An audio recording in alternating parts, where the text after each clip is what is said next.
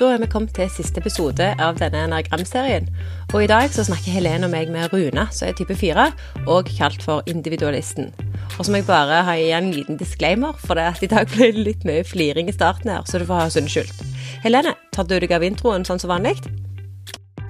Mennesker av type 4 er mennesker som har mye fokus på følelser. Både egne følelser og andre menneskers følelser. Å føle er å leve, og firerne ønsker å kjenne på livet og ha intense følelsesmessige opplevelser. Og det kan øh, særlig for unge firere føre til at de kaster seg ut i eventyr uten å ha tenkt noe særlig over konsekvensene.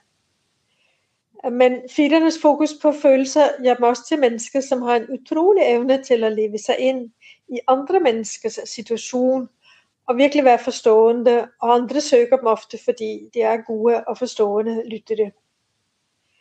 Grunnleggende har firene en idé om at de er annerledes enn andre mennesker. Og de kan ofte føle seg utenfor i selskap eller grupper. De er svært selvkritiske og opplever at de har flere feil enn andre, og at de bestandig må forbedre og utvikle seg selv. Men de forsøker å kompensere for dette ved å kunne noe særlig eller være særlig dyktige innenfor sitt felt. Og de har en evne til å tenke out of the box og bidrar til å skape unike produkter som har en særlig vri. Men uh, la oss høre mer om dette fra Runa, som er type 4. Velkommen, Runa. Takk. Kjekt å ha deg med, Runa. Det er litt sånn der awkward uh, greier. Sånn der, du, får, du får klippa vekk litt fjas innimellom der. Så bra. Så kanskje kunne du begynne med å fortelle oss litt om deg selv, Runa? Ja. Jeg er da sørfra, men jeg bor i Nord-Norge. Og har bodd her i mange, mange år fordi at jeg er eh, musiker og har jobb her, altså i Harstad, da. Og um, jeg er musiker, ja. Cellist. Og mor til ei jente på 19. Og har barn og Nei, jeg har mann og hund, skulle jeg si. Um, mm. Ja. Det var i korte trekk. Det var veldig kort. Jeg vet jo at du, er du også altså du spiller cellist i orkester, ikke sant? Ja, jeg er kan si, kammermusiker sammen med en, en, gjeng med andre folk. Og i tillegg så lager jeg min egen musikk og gir ut min egen musikk. Og skriver sanger. Har begynt å synge på mine gamle dager. Og driver og synger for barn, da primært. Og det er noe veldig morsomt, har jeg inntrykk av? Det er veldig morsomt. Og hva, hva, hva, er det du kaller deg? Jeg kaller meg um, frøken Frikadello. Fordi det rimer på cello. jeg har hørt noen av sangene dine. Jeg syns de er kjempefine. Og nå har jeg kommet med en ny plate akkurat nå, da. Så det er veldig stort. Veldig stort. Ja, det er flott. Mm. Uh, men i dag skal vi jo snakke om enagrammet. Ja. Uh, var det lett for deg å finne enagramtypen din? Nei, eh, det var sånn at jeg hørte om en diagramme før jeg traff deg, Helene, gjennom en venninne. Og så begynte jeg å lese bøker. Jeg tror jeg leste kanskje i fire år eller noe sånt, og ble overbevist om at jeg var nier. Eh, så mm. jeg, dro jeg på mitt første kurs og presenterte meg som nier, helt sikkert. Og så sa du at jeg kanskje skulle overveie fireren. Og da, det var som sånn derre en bombe, rett og slett. Okay. Ja, det okay. var ja. på, hvilken, på, hvilken, måte kan du Nei, fordi at jeg, hadde, altså Det var en slags resignasjon i det å være nier, da. Eh, så når jeg fikk vite at det var mm. firer, med det her med føl og individualist og følelser og Det var bare sånn her Jeg fikk skrekk. Det var sånn skrekk Veldig sterk skrekk. Uh, og ja, kanskje litt sånn skuffelse for at jeg ikke var ny, men, men mest skrekk, da. Og så fikk jeg liksom 100 aha-opplevelser på det der døgnet der. Hvor det bare demra for meg mer og mer og mer. Ja, OK, ja, ja. Det var bare 100 000 ting som bare gikk opp for meg i løpet av et døgn.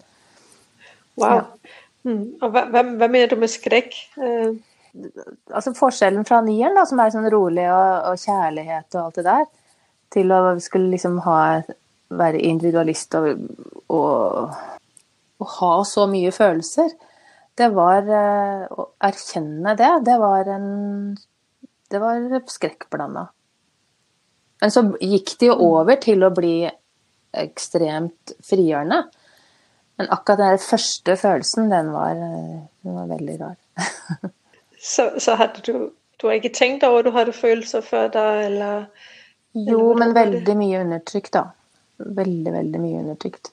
Så Akkurat. Fordi det ikke var det, rom for det i min barndom, så man skulle ikke være glad, man skulle ikke være sint. Man skulle være helt mm. sånn der normal hele tiden. Så derfor så mm var jeg veldig god til å være nier, da. Uten å være det, ja. Ja. Men, uh, men, nå har du det bra, eller fint med å være en, en fire, tenker jeg. Ja, det bare gir meg større og større rom, egentlig, føler jeg, da. At uh, det er lov å være meg. Fordi at det, det, er så ulovlig å være meg i utgangspunktet. Så blir det en sånn enorm eh, stor ting for meg. Hvordan opplever du livet som fire? Altså, hva, hva tenker du kjennetegner det å være fire? Jeg tenker på de, de menneskene som ikke selger fire, vil kanskje gjerne ja. høre litt om det. ikke sant? Ja. Altså, det er jo det her med at, at det er veldig mye følelser. Uh, selv om folk som ser meg, ikke ser det, så er det enorme svingninger inni meg. Og både i løpet av en dag, men også i løpet av la oss si en måned, så kan jeg være helt lyrisk, og jeg kan være helt deprimert. Liksom. I ganske sånn periodevis, da. Uh, uten å være manisk, men at det er uansett uh, veldig store svingninger. Og det er både slitsomt, og det kan være veldig bra. Jeg ser på det som bra også, selv om det er veldig slitsomt. Mm. Og, hva er det som er bra med det, tenker du? Man har store gleder, kanskje. Og man, mm. kommer, man er ikke redd for følelser. For jeg har merka at noen er jo redd for følelser, og det skjønner jeg nesten ikke helt. Altså, jeg er ikke redd for å grine, jeg er ikke redd for å liksom, kjenne ubehagelige ting. For det er jeg jo så vant til. Mm. Så det blir aldri en sånn der Aldri angst for å, å, å gå inn i følelsene. Det skremmer meg ingenting. Det tror jeg er en, styrke. Jeg skjønner. Mm. Og hva, hva, tenker du som Fida? Altså, hva bruker du gjerne tid på? Hva syns du det er viktig å bruke tid på? Ettersom jeg er blitt eldre, sånn, nå tenker jeg ikke praktisk, men bare sånn, hvordan jeg skal forholde meg til det, det er jo å ikke bli så identifisert med de følelsene, da. Så det er kanskje det jeg bruker mest tid på nå, med vekslende hell. Å måtte være litt mer observatør enn å bli dratt inn i de her følelsene hele tiden. Og av og til blir jeg det, men uh, også, også, på de, altså de, vonde følelsene at jeg tror jeg bare, Og er overbevist at jeg er et, et mye dårligere menneske enn alle andre. Og, og den her sammenligningsdjevelen, uh, som jeg kaller den, den tar fullstendig overhånd. Og jeg klarer ikke å se noe bra med meg sjøl. Det er ikke noe særlig. Så det å liksom klare å, Og ikke alltid bli dratt helt ned da, av det, det er det jeg jobber med. Men det kommer liksom som et slags angrep, eller? Åh, det kommer snikende på fra alle hold, som en sånn ekkel film. Hvor det kommer spøkelser fra alle kanter. Um, når jeg er i situasjoner som er pressa, og jeg er ukomfortabel eller skal prestere noe på, på, et høyt nivå eller et eller annet sånt, da, da er jeg veldig sånn veldig skjør, egentlig. Ja, det kommer den sammenligningen mm. med, med, andre? Ja, veldig, veldig sterkt. Mm. Og negativ i forhold til deg ja. selv, ikke sant? Veldig. Mm. Så det er jo ikke så artig å være firer på den måten, da, men Nei, men, men, men, du ser det vel også som en, en kilde. Altså, du er jo svært kreativ, og du bruker veldig det kreative. Ja. Ja, det er ikke få ting jeg har skrevet uh, som uh, har basis i de her tingene. Som, som, gjør at jeg kan sette meg inn i hvordan folk som har det vondt, har det. Eller barn, f.eks. Det er ganske lett for meg, tror jeg. Du var jo inne på det, Runa, i forhold til dette med hvordan du gjerne bruker det til, til din personlige utvikling i forhold til det å ikke bli, identifisert Ja, identifisert. I forhold til å ikke bli identifisert med følelsene. Ja. Men har du, har du, andre eksempler òg på hvordan du bruker enagrammet til din personlige utvikling? Um, kommer liksom ikke på noe akkurat nå. Uh, uh, fordi at det er sikkert på en måte Hele meg er jo på en måte at jeg blir mer og mer bevisst av mine egne mønstre. Jeg tror det. Det er det det mm. dreier seg om. Og forstår eh, liksom mer av at man kan ha ulike nivåer og liksom Også det å anerkjenne Jeg tror det å anerkjenne seg sjøl er det liksom det beste med å, å lære om eniagrammet. At den man er, er sett og godtatt. Godt svar, syns jeg. Absolutt. Mye om uh, hva som foregår inni deg, hvis vi snakker litt mer om i forhold til kommunikasjon med andre. Hva tenker du er en god samtale? Det er jo veldig givende, da. Når ting fungerer sammen med andre mennesker. Det syns jeg er eh, Det kan jeg leve lenge på, for å si det sånn. Og jeg vil si at det skjer ikke så innmari ofte. Det har jo med min At ikke jeg alltid tør å være den jeg er, sammen med en del mennesker. Sånn når det klaffer, så blir det så utrolig godt tror jeg. Mm. Og, og, og, denne, vi snakker om dette med umiddelbart liksom forstå andres mm. følelser. Opplever du det? Altså, det er litt både og. For når jeg er sammen med andre, så kan jeg bli litt sånn uh, ukonsentrert, kan du si. At jeg ikke klarer helt å, å forstå den andre sånn umiddelbart. Jeg syns ikke jeg er den beste i verden til det, altså. Det må jeg si. Jeg vet av mange andre som er bedre. Uh, så jeg kan liksom Og du må si det en gang til. Det er ikke alltid jeg husker hva de sa, for jeg blir så opptatt av hva som skjer rundt i samtalen og alt det der. Så jeg vet ikke, jeg. Føler ikke at jeg er en typisk firer når det gjelder alt å være Å ha, å ha den der gode, dype samtalen. Det er mer sånn Mer til sjeldenheten at det Åh, nå, nå var det fint. Fordi du er veldig vare på Altså du er veldig sensitiv for hva ellers som ellers Ja, det er så mye som skjer underveis. Jeg kan sitte på et selskap og så bare bare være opptatt av hvordan folk har det, eller synes å ha det, eller ja, kanskje har det, eller kanskje ikke har det. Altså det er så det er helt, helt feil fokus, istedenfor å høre på hva, hva, de faktisk snakker om. Men det betyr at du er veldig opptatt av følelser og hva som ja, foregår i andre? Og det blir nesten sånn, sånn tankelesning, ikke sant? at man tror at man ser ting, eller det er ikke alltid det er rett. Og man får jo aldri med seg alt. Så det blir mye sånn eh, tankespinn, egentlig. Når du var liten, eh, for jeg er litt sånn Jeg tenker på de som gjerne da eh, lurer litt på hva typer eh, ungene mm. sine er, f.eks. Om du kunne fortalt litt om hvordan det var, var, for deg å være når du var liten, hvis du da kan reflektere over det i forhold til fireren og det du vet ja. nå?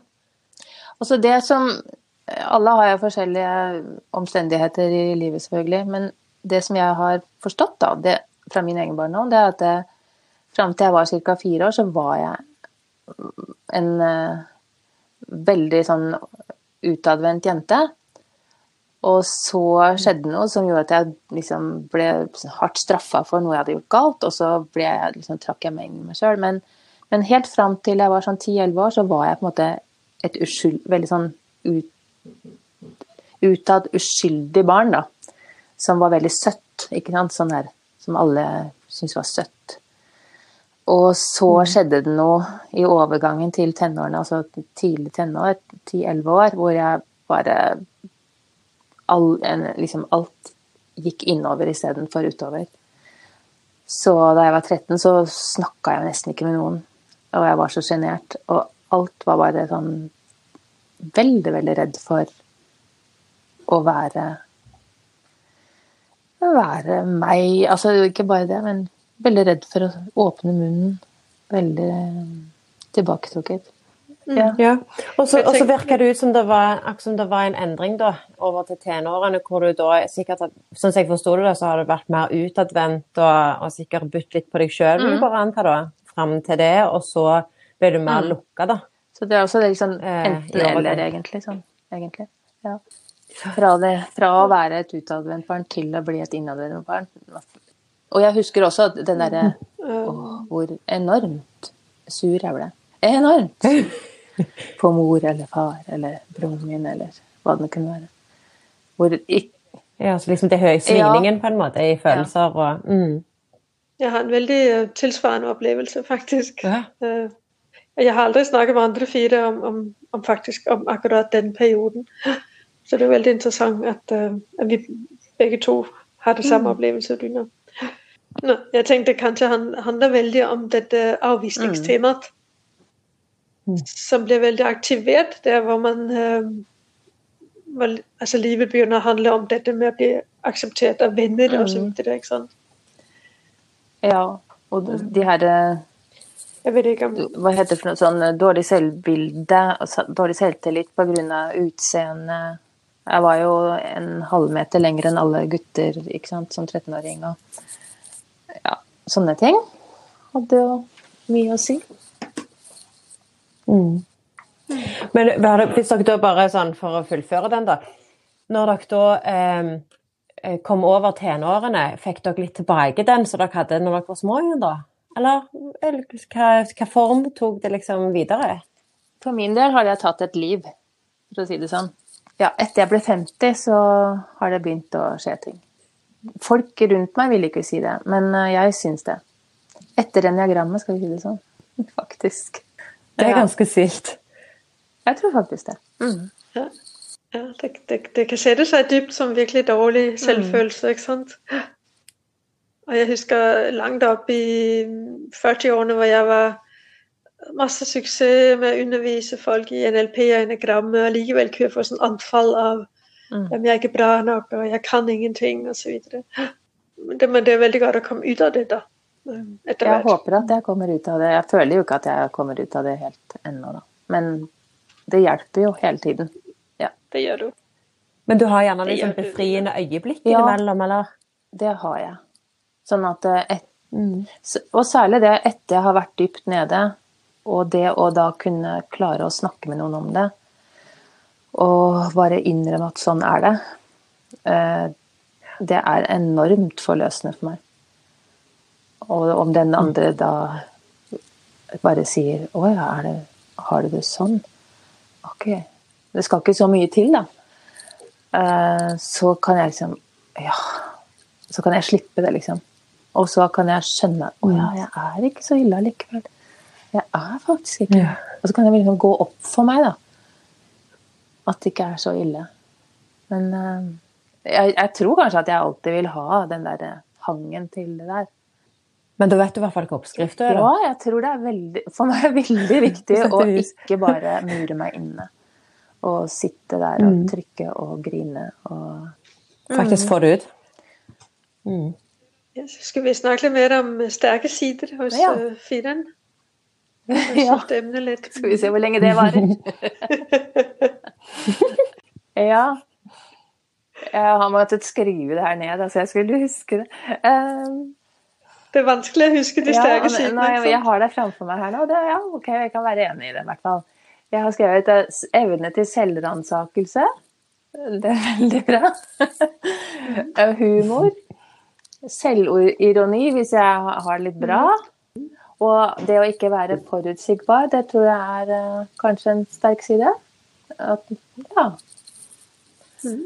Og så, um, og så er det det her med Det kan slå dårlig ut, men det kan også slå bra ut å idealisere liksom, Å se det beste i andre, da å se og synes at de andre er bare så fantastisk. Å ha sånn tro eller en tillit til andre, det kan jeg kjenne veldig sterkt.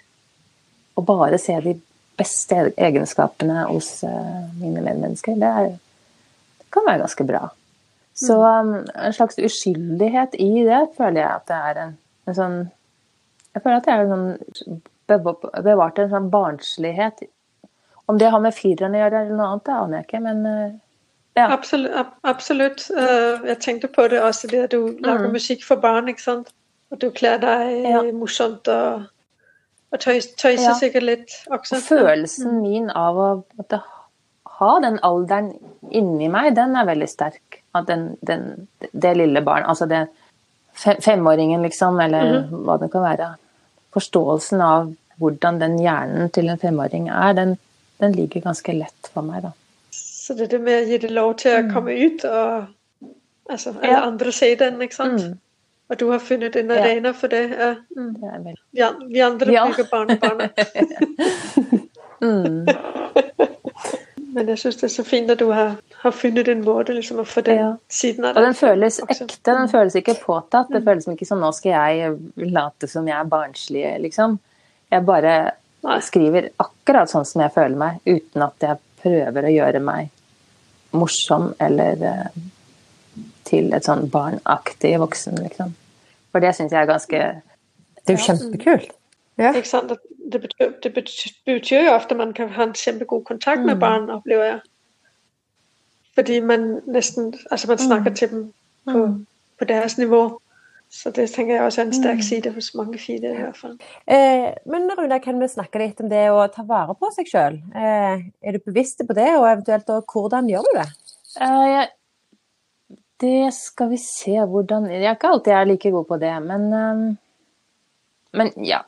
Grunnleggende så er jeg nok ikke så verst. Det å gå tur, rett og slett. Gå ut og ta vare på kroppen og ha et slags minimum av eh, at man tar hensyn til kroppen og holder seg i form, det, det syns jeg er ganske viktig.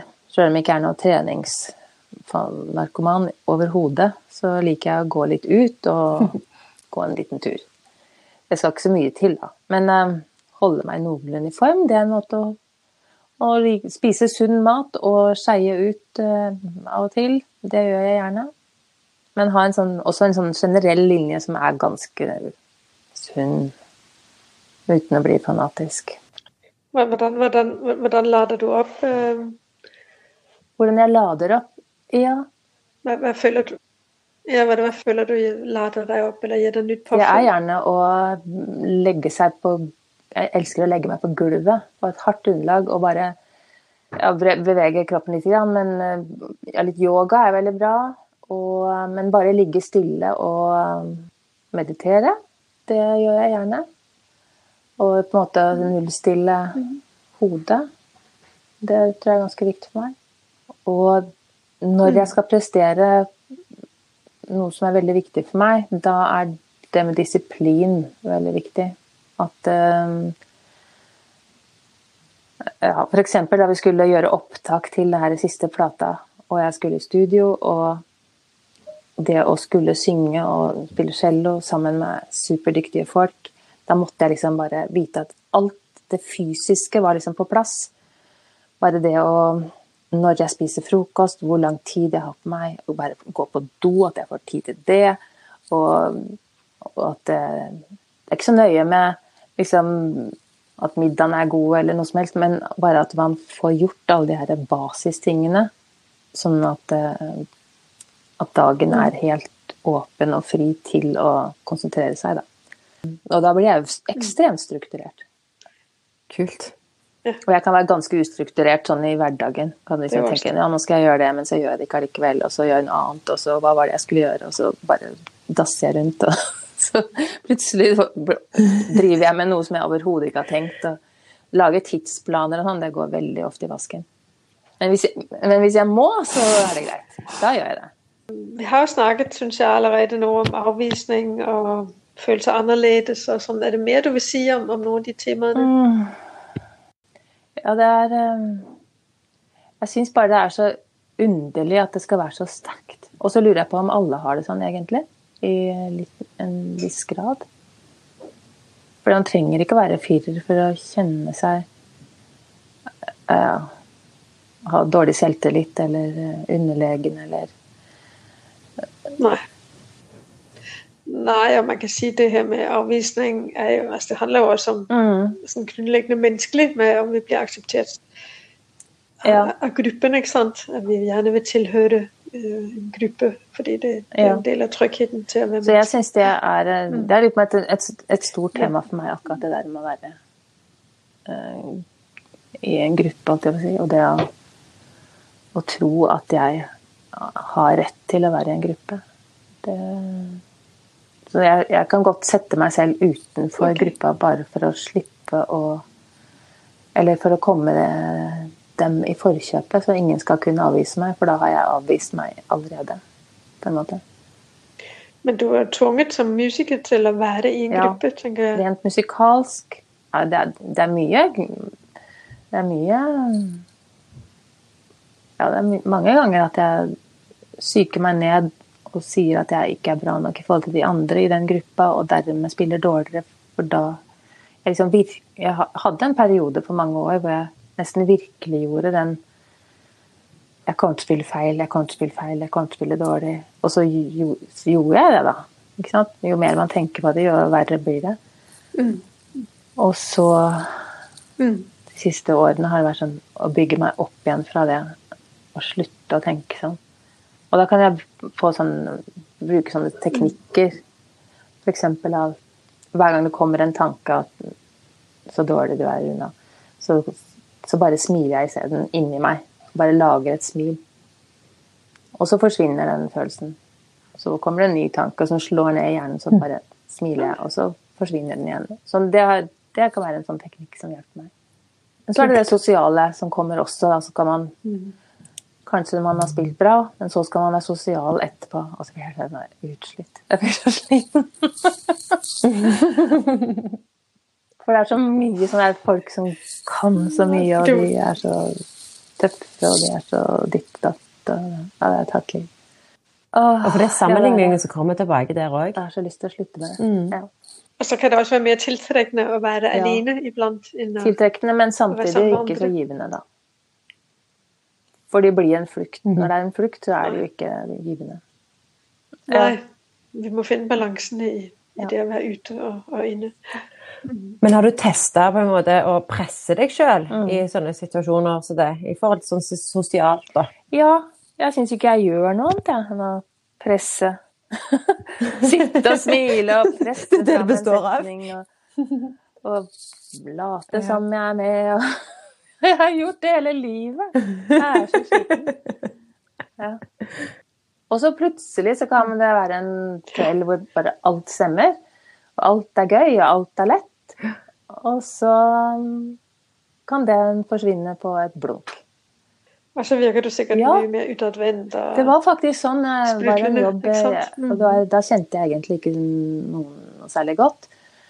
Uh, Det var i mai, og så var det en sånn kjent musiker som var med der, og så satt vi på samme bord. Og han hadde nemlig sett meg tidligere, og så sa han uh, at jeg så så ensom ut. Og han er en sånn der typisk åpen, veldig åpen person som ikke jeg egentlig kjenner, men som bare veldig sånn fin fyr. da. Du ser ensom ut, og jeg følte meg helt avkledd og holdt på å begynne å grine, men jeg klarte å holde meg. Og så satt vi på middagen senere på kvelden, og så Og så gjorde jeg, altså, sa jeg et eller annet sånn eh, Et eller annet om at nå, nå er jeg ikke ensom lenger, takk for at du sa det, eller et eller annet sånt her. Og så drev vi og prata ganske mye, og så ble det veldig hyggelig stemning.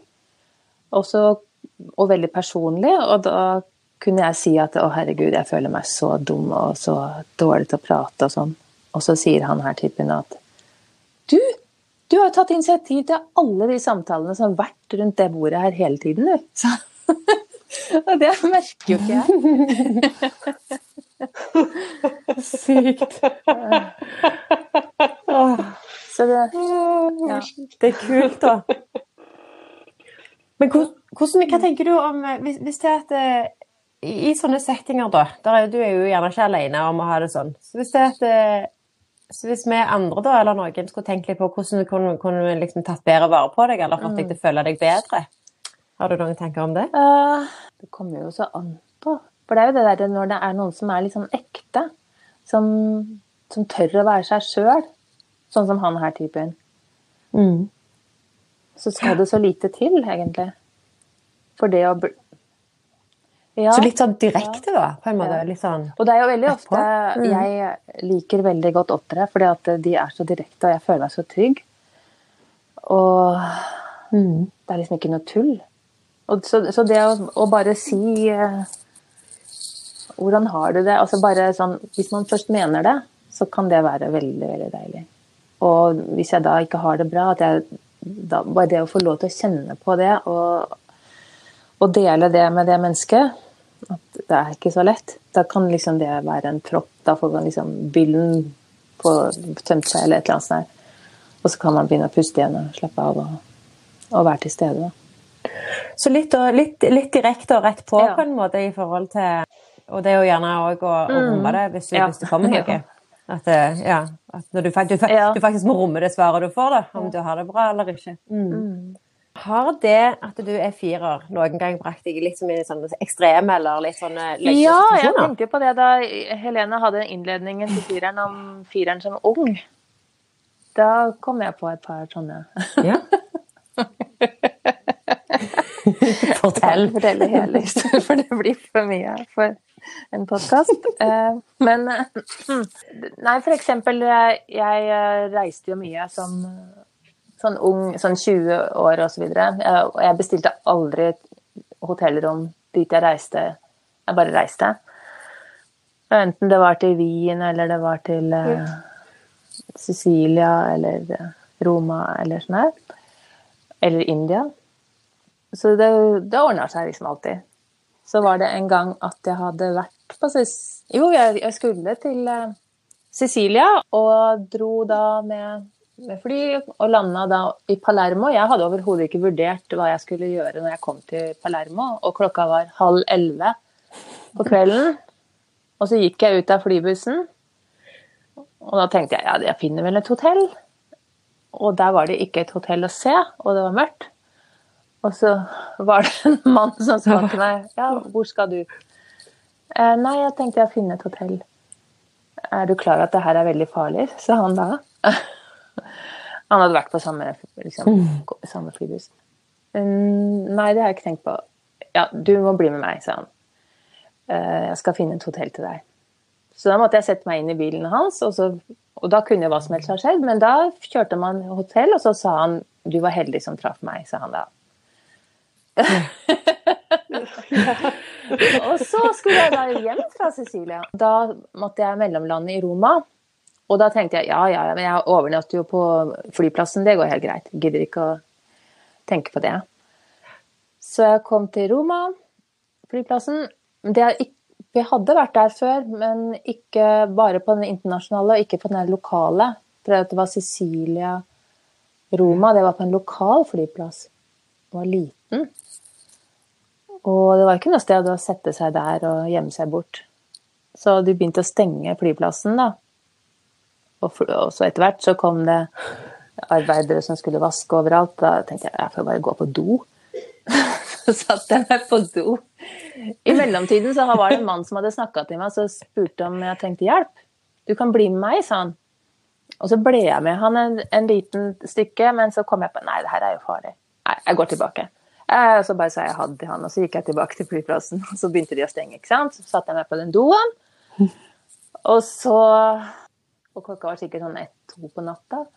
Og da til slutt så banka det på døra, og så sa han du må komme ut. Det var den samme fyren da, som hadde kommet tilbake for å hente meg. Du kan ikke sitte her. Ok, ja. Da får jeg bare bli med han, da, tenkte jeg. Så ble jeg med han. Og da dro vi ut i Roma og spiste på et eller annet skikkelig lokalt eh, sted med sånne lysstoffrør. Og så noe rar mat med ansjos og sånn som ikke jeg likte. sånn skikkelig italiensk, vet du. Sånn, ikke noe godt. Jeg liker jo det egentlig, men ja, uansett. Og så skulle vi da på et hotell med han. Og jeg nekta å ta av meg buksene hele natta. Og jeg stengte meg inn på badet, og han var heldigvis ikke voldelig da. Og han sa også til slutt da 'Jeg kommer aldri til å glemme de røde buksene dine', sa han. det var det. det, var det. Jeg har tatt noen ja, sjanser. Så har det alltid gått bra, og det er jo det, det, Og verden ser kanskje annerledes mm. ut nå. Det her var jo liksom på, på slutten av 80-tallet. Nei, jeg var sånn i Hvor gammel var du da? Slutten av 20-åra. Mm. Shit. Ja. ja. Risky. Men, eh, men, det var den tidligste verden og menn og alt. Mm. Troen på at, alt, at, verden er et pent og vakkert sted. Men også en eller annen trang til å oppleve, ikke sant? Ja, kanskje.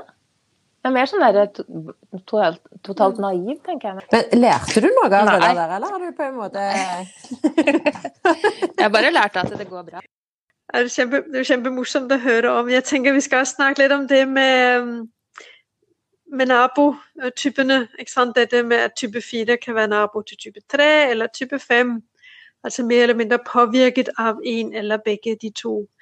Um, og det gjør jo en stor forskjell om en fire er mest påvirket av treeren. Dvs. Si man har behov for å være effektiv, man er litt mer utadvendt. Man vil gjerne se som suksess. Altså mange ambisjoner ofte hos firere som har en treervinge, som vi kaller det. Uh, hvorimot fireren med femmervinge ofte er mer introvert, har behov for å tenke og, og reflektere og leve et mer tilbaketrykket liv. Uh, hvordan opplever du uh, at du er påvirket av disse vingene? Si at det, det er liksom femmervingen jeg har identifisert meg med hele livet, egentlig. Og jeg har lest noe om det, og det der med å sitte hjemme og la oss si skrive et dikt eller et eller annet sånt der, og bare glede seg over det diktet eller en sang, synge den om og om igjen, bare for å få den best mulig, og så uh, bare nyte den. Skap, den skapergleden ved å skrive det, og ved å da finne fram til hvordan det skal bli og, og være. Den er sånn enormt deilig, da. Og sånn at det er nesten ikke noe behov for å dele det med andre i den skaperprosessen. Men, ehm, men det er klart, når det bygger på seg, og du har mer og mer ting liggende i den skuffen, så, så ble det jo et behov for å dele det med andre. Men det var veldig unaturlig for meg. Det var veldig feil. Liksom, det her er feil. Det her er, mm. du, er, du, er, ikke den som skal liksom drive med det. Du skal holde deg i bakgrunnen og ikke synes. Det var liksom det som var liksom hovedstemmen eh, inni hodet. Så jeg har tenkt på det å gå til, liksom, til trervingen som en stor utfordring i mitt liv. da. Noe som jeg ikke har lett for, men som jeg har bruk for. Så det, det er noe jeg på en måte Det er kanskje også noe, en måte å jobbe med enagrammet på. Det er å prøve å få mer av den treeren, liksom. For det, det er ikke noe vits. Altså, det er jo vits, men det er det å bare sitte hjemme og, og skrive og, og, lage ting for skrivebordskuffen, det er I lengden så blir det usunt, tror jeg. Jeg tror det er bra å komme ut med det, tross alt. Uh, så har type 4 har jo forbindelse til type 1 og type 2. Du har fortalt oss du kan bli svært strukturert um, når du virkelig skal, når du virkelig trenger å bli det. og Det er noe av det som ligger i type 1. ikke sant? Vi snakker jo om at, at, de strekene som ligger mellom altså Inne i enagrammet, det beskriver jo øh, hvordan f.eks. mennesker type 4 beveger seg frem og tilbake mellom egen type og så trekk fra enten type 1 eller 2. Og det kan handle om at uh, type 1 kan handle veldig om trygghet, og type 2 kan handle om at vi føler oss presset. Um, og selvom du beskrev at det, du var jo en, en presset situasjon, kan man si vi kan godt bygge øh, det vi kaller trygghetspunktet, altså type 1, øh, også til å, å, støtte oss når vi er presset. Um, det er jo ikke alltid det går de veiene som vi vanligvis beskriver det i enagrammet. Men fortell noe ellers om, om, om din forbindelse til type 1. Øh, har du andre eksempler på når du bruker enerne? Ja, hvordan du det er jo det her med Jeg har opplevd det veldig sterkt, den fokuset på det, detaljer, da, som kan være veldig, veldig bra. Og når du er sammen med andre mennesker mm. som også er opptatt av detaljer, man møtes i detaljene, det er jo egentlig en fantastisk ting. Å kunne virkelig Eh, eh, foredle detaljene, gjøre de perfekte. Det er kjempegøy. Og så er det noe eneren har som jeg ønsker å ha. Det er det her sjeldne evnen til hva som er viktig og hva som er uviktig. Uh, av de store, liksom store, linjene, da. Og ikke fortape seg i det som er uh, rett og slett uh, ikke betyr så mye å klare å se de store linjene når det er det som behøves. Og så forbindelse type 2? Hjelper den? Jeg tror jeg kan kjenne veldig fort at jeg eh, prøver å tilpasse meg andre i altfor stor grad. Sånn at jeg bare prøver å gå inn på dems premisser. Det, det regner jeg med at det er litt sånn Tore-greier. Og bare hva er det de vil ha av meg? Mm. Hva er det de trenger nå? Hva er det jeg kan gjøre for at ting skal være lettest mulig for dem? Eller sånne ting. Og jeg setter meg sjøl så til siden at jeg ikke på en måte, At mm. jeg blir veldig Rett og slett ikke det er når du føler deg utrygg eller usikker? Jo mer prøver jeg liksom å tilfredsstille andres mm. Ja. Snakke med dem om dem, og sånn at jeg liksom har ingenting å, å bidra med sjøl, føler jeg da. Ja. Akkurat som du mister deg sjøl, da? Eller? Ja. Altså, ja, ja viskes, viskes, vekk fullstendig? Mm. Mm. Jeg tenkte jeg gjerne hive meg over på siste spørsmålet, men før det så har jeg bare lyst til å si mhm. eh, eh, dette med forståelsen av femåringen og den eh, barnsligheten. Den kjenner jeg, den satt jeg og tenkte på når du snakket, så sånn åh, den, den hadde det vært digg å hatt. Den er du heldig så at jeg tenkte du er så heldig. Og så, og så syns jeg du sa noe sykt viktig i stad.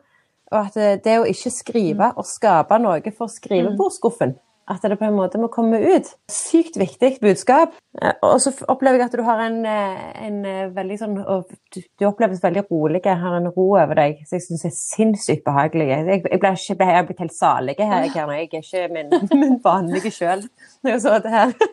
Det var helt, det helt sykt liksom ut av kroppen-opplevelse. Men til slutt så kunne det være veldig interessant å vite hva har NRK Jeg tror vi har vært litt inne på det, at det har egentlig betydd det betyr at jeg kan være meg, og det er ja. kortfattet, men eh, veldig, veldig stort. Det var en perfekte avrunding fra Runa. Og da gjenstår det bare å takke på vegne av eh, Helene, meg sjøl og alle de som hørte på, for at du delte så åpent. Tusen takk. Og så syns jeg du sa noe som fortjener å bli gjentatt uendelig mange ganger til, og det er å ikke sitte og lage ting for skrivebordsskuffa. Been there, done that. Få driten ut. Sånn.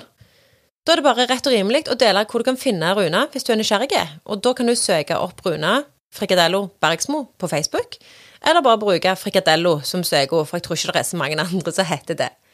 Og helt til slutt så har jeg lyst til å dele noen spennende ting med deg.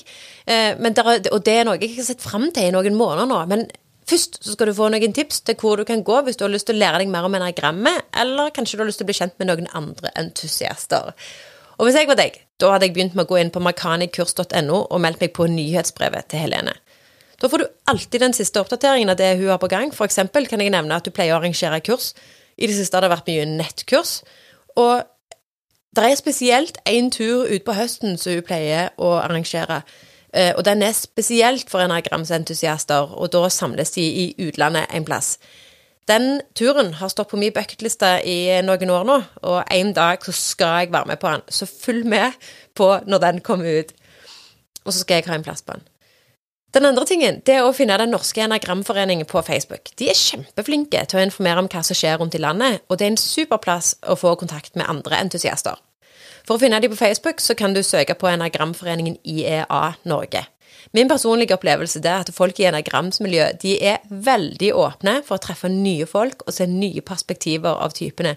Så sånn sett så kan det være en utrolig fin plass å utvide nettverket og bli kjent med folk på en ny måte. Sånn, da skal jeg fortelle deg det jeg har gleda meg til å dele. For jeg har nemlig sagt opp den faste jobben min. What? Og det var en god jobb òg. Men jeg har gjort det for å satse på det jeg brenner aller mest for, og det er nemlig å hjelpe folk med å finne ut hva de skal bli når de blir store. Og når jeg mener store, så er det store sånn som meg og deg. Jeg skal ikke si hvor gammel jeg er, men jeg er voksen. Og jeg har sagt det før, og jeg sier det gjerne igjen til det kjedsommelige. Du har evner så langt over går din fatteevne, og jeg har til hensikt å hjelpe deg med å finne dem. Og de evnene de finner vi i kjernen av det du elsker å gjøre, det du er god på, det verden trenger, og det du kan ta betalt for. Jeg har valgt å kalle det for superkrefter, for det er akkurat det det er. Og så kan jeg si at det, jeg kaller det òg superkrefter fordi det er utrolig mye energi, motivasjon og aller mest guts der. Og hvis du lurer på om dette er noe for deg, eller kanskje for noen du kjenner, så tenker jeg gjerne spesielt på de som har hatt det litt sånn som meg, at de har en utdannelse, de har en dagjobb, ikke nødvendigvis det samme som de har utdannelse i.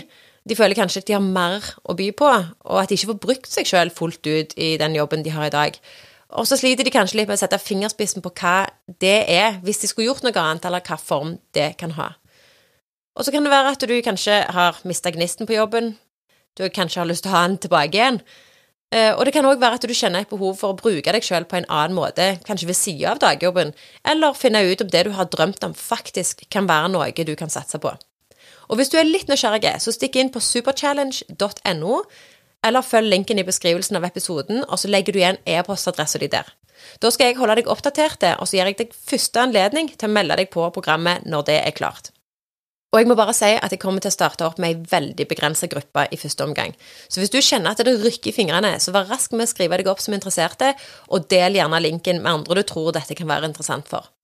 Og hvis du nå sitter og lurer på masse ting, så ikke nøl med å ta kontakt med meg via Instagram eller Facebook. Begge plasser finner du meg under Anette Idsoe. Anette med to n-er. Tusen takk for at du har hengt med Helene og meg. Det har vært en fornøyelse. Og så må du ta godt vare på deg sjøl.